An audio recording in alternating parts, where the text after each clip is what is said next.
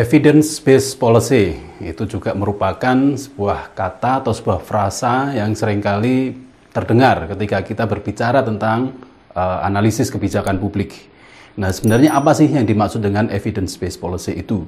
Uh, untuk membahas tentang itu, maka video kali ini kita akan mengulas tuntas tentang apa yang dimaksud dengan evidence-based policy yang juga sebenarnya sudah mengalami perkembangan yaitu yang dinamakan dengan science-based policy. Baik, uh, dalam melakukan analisis kebijakan publik, maka kita tidak hanya cukup hanya bermodalkan dengan data. Karena data diberikan kepada kepala daerah, data diberikan kepada seorang pengambil kebijakan, tidak berbunyi apa-apa, tidak memberikan clue apa pun terhadap para pengambil kebijakan terkait dengan apa yang harus mereka lakukan. Maka tugas dari seorang analis kebijakan publik adalah bagaimana mengubah data menjadi informasi kebijakan. Nah, pada video kali ini kita akan mencoba untuk mengulas tentang menggunakan salah satu contoh dengan menggunakan model matematik uh, yang sederhana untuk mengubah atau mentransformasi data menjadi informasi kebijakan.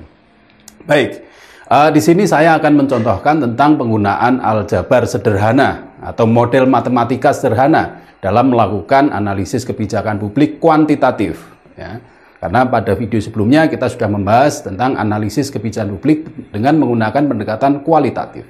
Kita akan melihat seperti apa ketersediaan air ya, yang ada di sebuah daerah yang kemudian pemerintah daerah harus berpikir tentang apakah suplai air yang akan digunakan oleh masyarakat itu mencukupi atau tidak.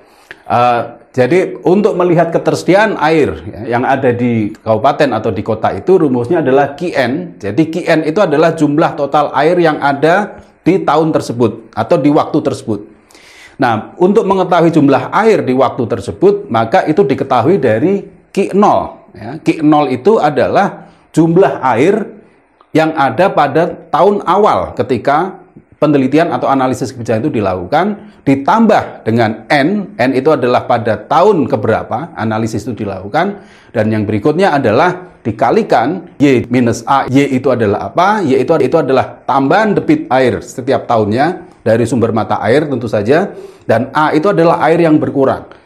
Sehingga perbedaan antara Y dengan A itu adalah merupakan penambahan jumlah air tiap tahunnya. Kalau yang terjadi adalah Y lebih besar daripada A. Tapi kalau yang terjadi adalah A lebih besar daripada Y, maka rumus dari Y di minus A itu adalah pengurangan air yang terjadi setiap tahunnya. Oke, di sini Anda bisa melihat ada yang dinamakan dengan data. Ya, di mana X itu adalah kapasitas atau daya tampung dari waduk itu. Katakanlah di sini data menunjukkan jumlahnya adalah 1200 meter kubik ya, atau 1.200 uh, eh, juta meter kubik misalnya. Nah itu adalah data yang tersedia hasil dari pemetaan yang dilakukan oleh dinas terkait misalnya. Nah kemudian Y, Y itu apa? Tambahan debit tiap tahunnya. Y di sini berarti adalah kapasitas dari sumber mata air yang ada di waduk tersebut. Ya, berapa banyak per tahun air yang keluar dari mata air tersebut dan hasil dari pemetaan yang dilakukan Y adalah sebesar 200 ribu meter kubik misalnya. Nah, itu adalah data. Ya. Nah, kemudian Z di sini adalah konsumsi warga tiap tahunnya. Berapa banyak sih jumlah air yang dikonsumsi oleh warga di kota tersebut pada setiap tahun? Dan di sini misalnya ditemukan adalah 150 ribu meter kubik misalkan. Jadi lebih banyak yang keluar dari mata air daripada yang diambil oleh warga untuk digunakan konsumsi mereka sehari-hari. Nah, kemudian W, W ini adalah air yang hilang setiap tahunnya dari misalnya proses penguapan atau kebocoran. Dan data yang sudah didapatkan dari dinas bahwa tingkat kebocoran dan tingkat penguapan itu adalah sebesar 5% atau 0,05. Nah, kemudian ada A di situ. Sebagaimana tadi sudah saya jelaskan, A adalah jumlah total air yang hilang sehingga itu adalah penjumlahan antara air yang dikonsumsi uh, dengan tambahan air uh, yang ada tiap tahunnya. Nah, kemudian kita juga ada data Q0. Jadi kalau kapasitas waduk itu tadi saya sebutkan ada 1.200 eh, ribu atau juta meter kubik. Nah, kap, jumlah air yang sesungguhnya adalah 1.140 misalnya. Nah, di sini berarti jumlah air yang sesungguhnya berada di bawah kapasitas uh, waduk tersebut. Nah, mulai dari tabel yang paling di ujung sana sampai pada yang terakhir atau X Y, Z, W, A, dan Q0 itu adalah data. Ya, itu belum bisa dikatakan sebagai informasi kebijakan. Nah, sekali lagi bahwa yang dibutuhkan oleh seorang pengambil kebijakan itu adalah informasi kebijakan, bukan data. Kalau saya sebagai kepala daerah misalnya, saya sebagai pengambil kebijakan disodori, Pak, jumlah daya tampung waduk sekian. Kemudian tambahan debit air sekian, konsumsi warga sekian itu diberikan kepada saya. Saya tidak bisa berbuat banyak karena itu adalah sebatas data belum menjadi informasi. Nah, pada video kita kali ini kita akan memberi contoh bagaimana mengubah data menjadi informasi kebijakan. Oke. Nah, sebagaimana tadi di awal saya sudah menjelaskan bahwa rumus untuk melihat pada tahun ke-0 itu adalah Qn sama dengan Q0 ditambah N dikalikan Y minus A. Itu adalah rumus dasar kita. Nah, sehingga di kolom yang paling ujung sebelah sana, eh, kita masukkan tahun. Ya. Nah, tahun ini bisa anda mulai dari tahun berapapun. Ya. Misalnya sekarang tahun 2020, di sini saya memulai dari tahun 2010, nggak ada masalah. Ya. Itu bisa dilakukan. Ya. Asalkan nanti pada tahun 2010 itu kita nyatakan sebagai T1 ya, atau N1-nya berarti 2010.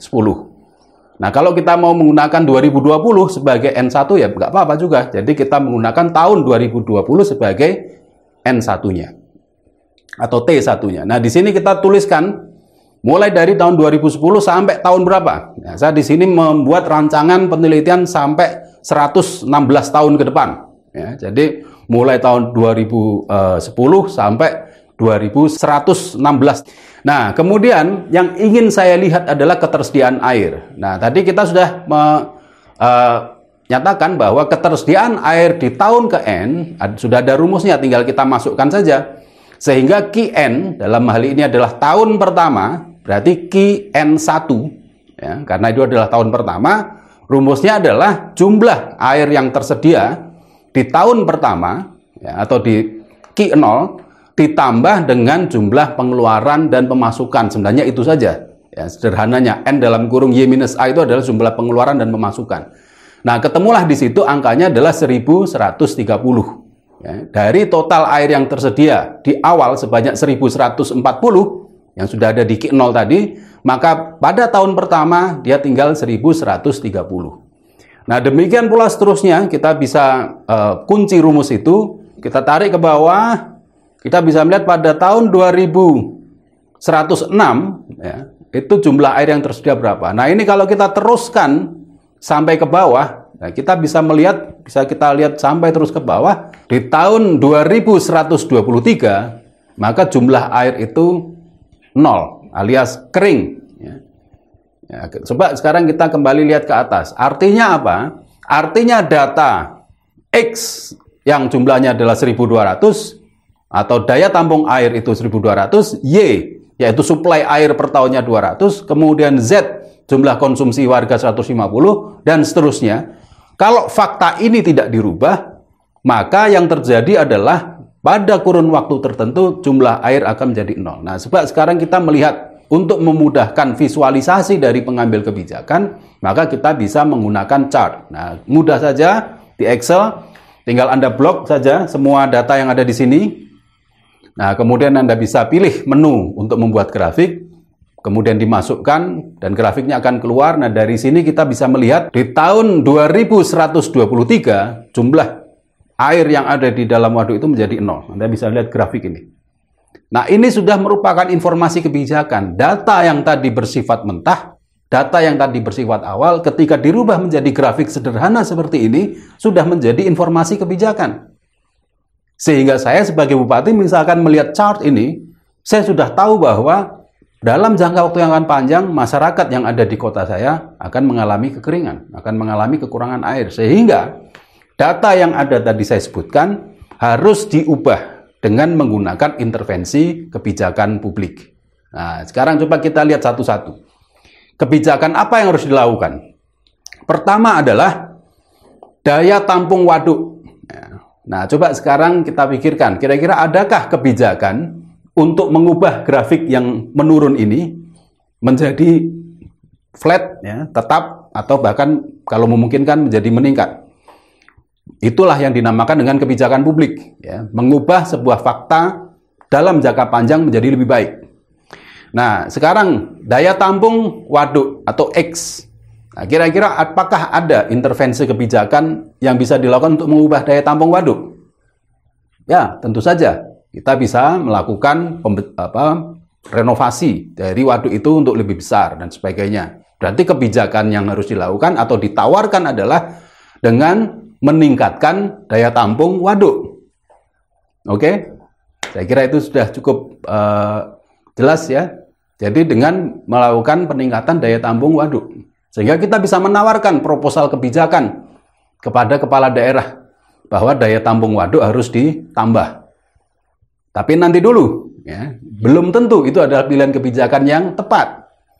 Coba kita lihat pada opsi yang kedua yaitu Y, tambahan debit air per tahun. Ya, yang tadi saya sebutkan itu adalah sumbernya dari mata air ya, yang muncul di dalam waduk itu. Kira-kira menurut Anda, apakah mungkin kita melakukan intervensi kebijakan pada variabel Y ini? Ya, betul sekali. Jawabannya mungkin. Ya, yaitu apa? Dengan melakukan reboisasi di sekitar uh, sumber mata air, dengan melakukan uh, penghijauan di hutan dan di area sekitar waduk dan sebagainya itu adalah cara-cara atau langkah-langkah untuk meningkatkan Y dan itu adalah ada rekomendasi kebijakan. Oke, sekarang kita sudah punya dua opsi kebijakan. Ya, opsi kebijakan yang pertama adalah memperbesar jumlah waduk. Opsi kebijakan yang kedua adalah melakukan pembenahan terhadap kondisi mata air sehingga debit air yang keluar menjadi lebih banyak. Nah, yang ketiga saya tanyakan kepada Anda juga, konsumsi warga per tahun atau di sini kita sebut dengan variabel Z. Kira-kira menurut Anda, apakah ini bisa diintervensi dengan kebijakan? Ya mungkin bisa, tapi saya kira akan sulit ya untuk mengatakan pada warga kurangi penggunaan air dan sebagainya. Tidak semudah yang X dan Y. X itu cukup dengan konstruksi, kita bangun selesai. Y itu dengan melakukan reboisasi, penghijauan. Tapi kalau Z mengajak warga untuk mengurangi penggunaan uh, air itu saya kira uh, kebijakan yang sulit. Mungkin dilakukan, tapi mungkin akan sulit. Oke, kemudian yang berikutnya adalah variabel W, air yang hilang per tahun karena evaporasi dan kebocoran.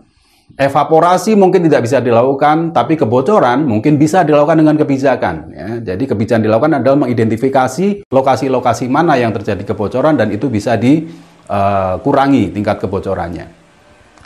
Oke, saya kira itu adalah pilihan-pilihan kebijakan. Sehingga yang paling bisa kita lakukan, kebijakan publik yang harus diambil pertama adalah memperbesar kapasitas waduk, yang kedua adalah memperbesar kapasitas suplai air dari mata air, dan yang ketiga adalah mengurangi pengurangan terutama yang berasal dari kebocoran. Oke, sekarang kita akan melakukan simulasi. Ya, kita akan melakukan simulasi dari tiga alternatif kebijakan itu. Menurut Anda, kira-kira uh, mana alternatif kebijakan terbaik. Sekarang kita coba alternatif kebijakan yang pertama. Kita ubah variabel X, yaitu daya tampung waduk yang semula adalah 1200 uh, ribu meter kubik ya, daya tampungnya. Dan tadi kita menganggap, wah ini harus dibesarin daya tampungnya. Oke, silahkan. Anda bisa lakukan itu. Berapa Anda mau tambah? Atau Anda mau tingkatkan kapasitas dari waduk itu. Dari 1200 katakanlah kita tingkatkan menjadi 1500. Ya. Coba diketik saja 1500, kemudian kita enter. Nah, kita lihat apa yang terjadi di dalam grafik. Ternyata memperbesar jumlah waduk, ya, kita bisa melihat itu bukan opsi kebijakan yang baik, bukan opsi kebijakan yang tepat. Karena apa? Penurunan yang terjadi ternyata jauh lebih tajam. Dan kekeringan yang terjadi Anda bisa melihat pada titik di mana uh, beririsan antara garis merah dan garis biru bahwa ternyata pengeringan waduk itu terjadi lebih cepat ketimbang ketika kapasitasnya itu 1200. Anda berpikir kok bisa begitu? Tentu saja. Kenapa? Karena pengurangannya evaporasi, kebocoran dan dan sebagainya yang faktor penyebab uh, berkurangnya kapasitas air itu juga tergantung dari kapasitas waduk. Oke, berarti opsi kebijakan yang pertama lupakan.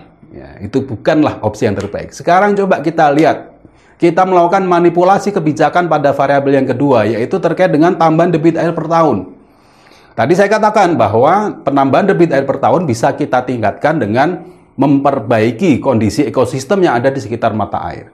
Oke, kondisi hari ini adalah 200. Anda ingin melakukan kebijakan seperti apa?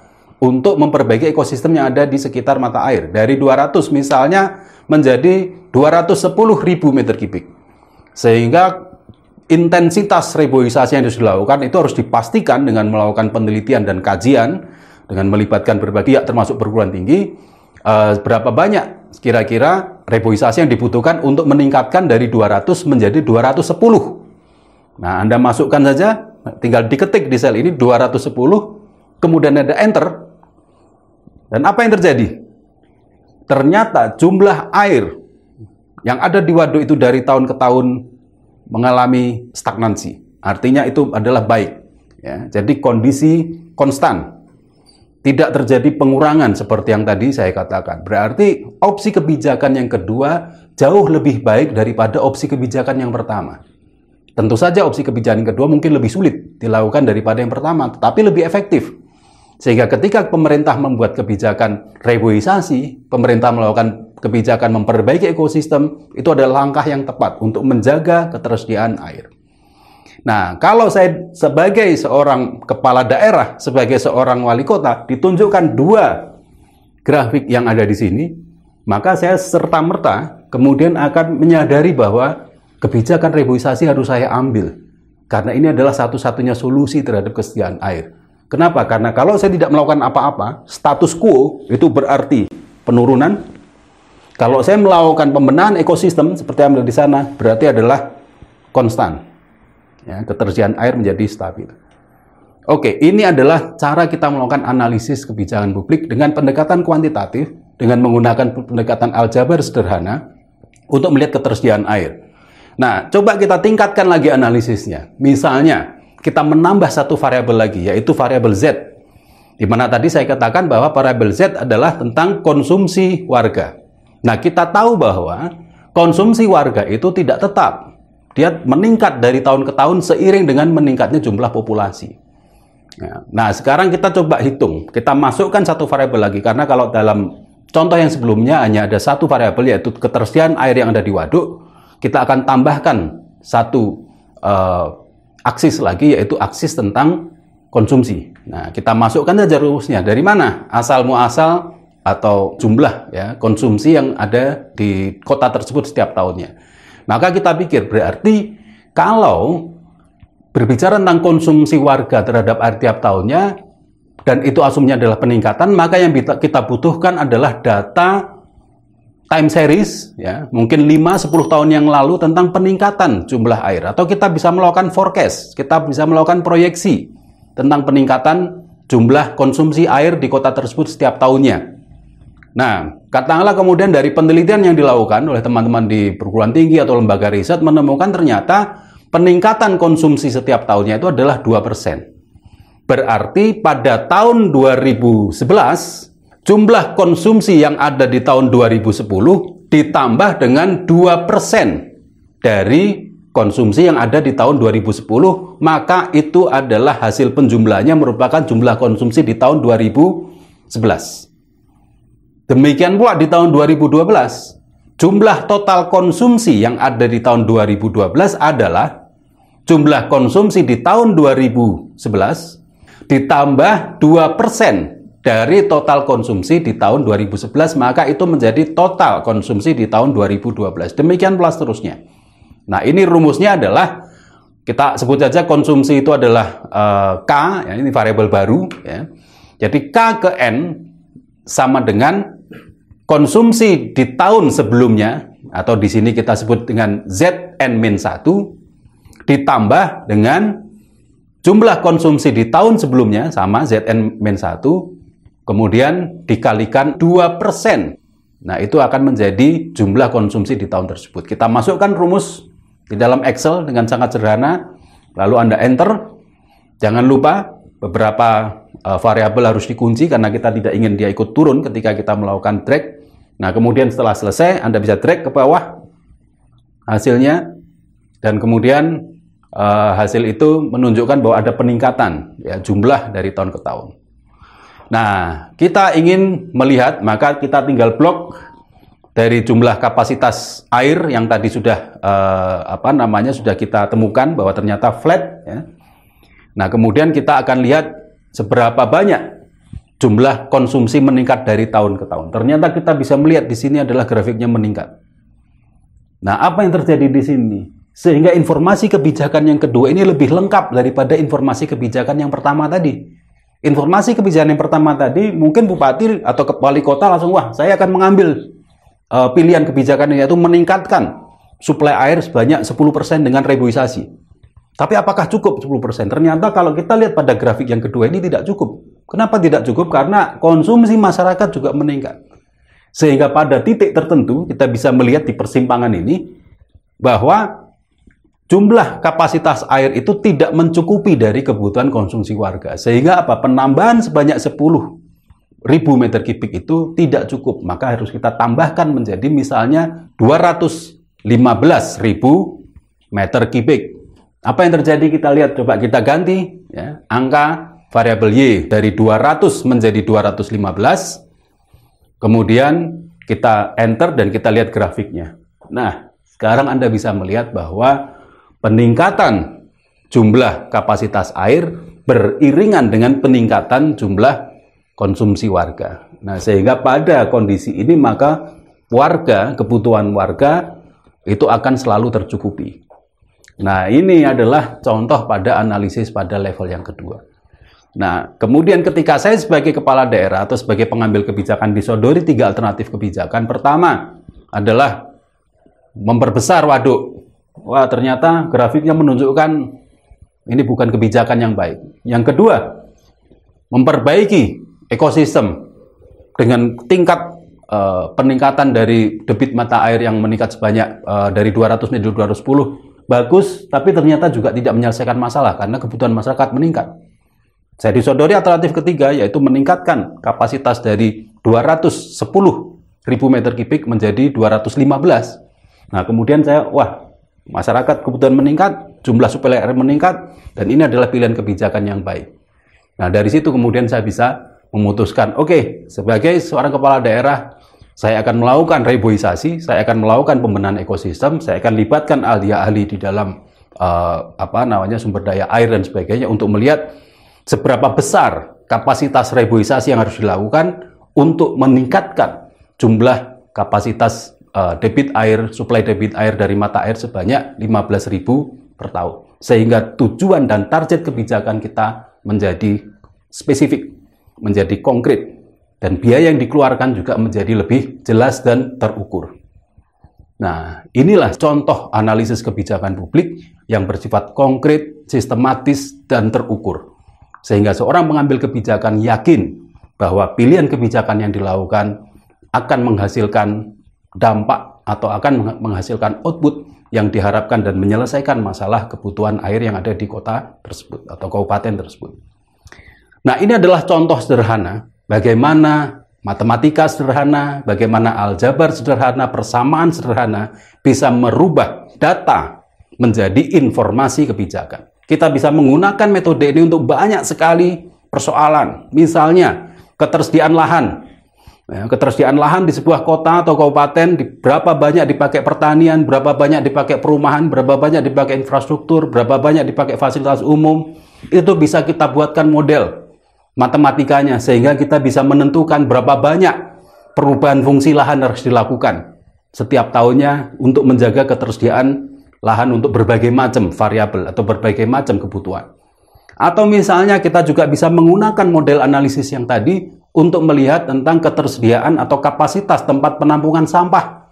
Berapa banyak sampah yang masuk bisa kita buat modelnya. Berapa banyak sampah yang diambil dengan proses daur ulang. Berapa banyak sampah yang kemudian disuplai dari masyarakat, dari industri, sehingga kita bisa membuat prediksi seberapa lama tempat penampungan sampah itu akan bertahan untuk memenuhi kebutuhan warga. Yang lainnya apa? Kita juga bisa menggunakan metode aljabar ini untuk menganalisis tentang ketahanan pangan. Ya. Ketahanan pangan bisa kita lihat misalkan jumlah suplai pangan yang masuk ke dalam daerah, berapa banyak yang dikonsumsi, berapa banyak yang diproduksi sendiri, berapa banyak yang diperjualbelikan, mungkin bisa jadi keluar kembali ke daerah lain. Nah, sehingga kita bisa membuat model matematika sederhana untuk melihat berapa lama daya tahan atau ketahanan pangan yang ada di sebuah daerah sehingga pemerintah bisa membuat kebijakan yang lebih akurat dengan permodelan matematika atau salah satu contoh dari analisis kebijakan kuantitatif ini. Mudah-mudahan apa yang saya sampaikan barusan ini bermanfaat tidak hanya bagi para peneliti, tapi lebih penting bagi para pengambil dan analis kebijakan di lapangan. Sampai ketemu pada waktu dan kesempatan berikutnya. Terima kasih.